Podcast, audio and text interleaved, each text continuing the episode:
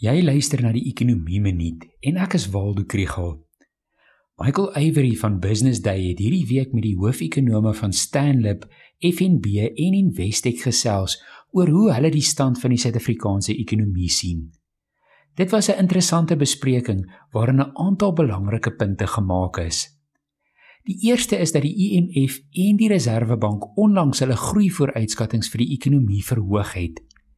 Die Reserwebank verwag nou groei van 3,8% in 2021. Dit is veral die primêre sektore, landbou en mynbou wat goed vaar. Deels as gevolg van gunstige klimaatsomstandighede en deels as gevolg van 'n toename in wêreldwye handel, is kommoditeitspryse hoog en die sektore doen goed.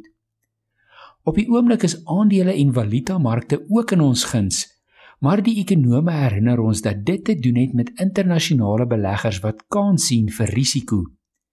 As hulle skrik, kan dinge skielik omdraai en die graderingsagentskappe vergader weer in Mei maand oor Suid-Afrika se kredietgradering.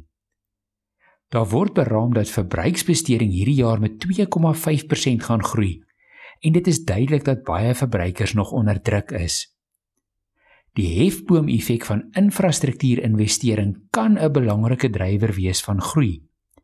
Tot nou toe het die presidentsie se operasie Vulindela in hoofsaak komitees gevorm en befondsing vir projekte gesoek en hulle is nog nie operasioneel aan die werk nie.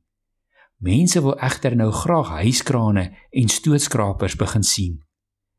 Die grootste bedreigings vir ekonomiese groei bly beerdkrag en die stadige uitrol van die inentingsprogram. Dit lyk nou asof baie van ons dalk eers in die eerste helfte van volgende jaar ons stukkie enstof gaan kry. As jy meer van die ekonomie wil leer, volg die ekonomie blok.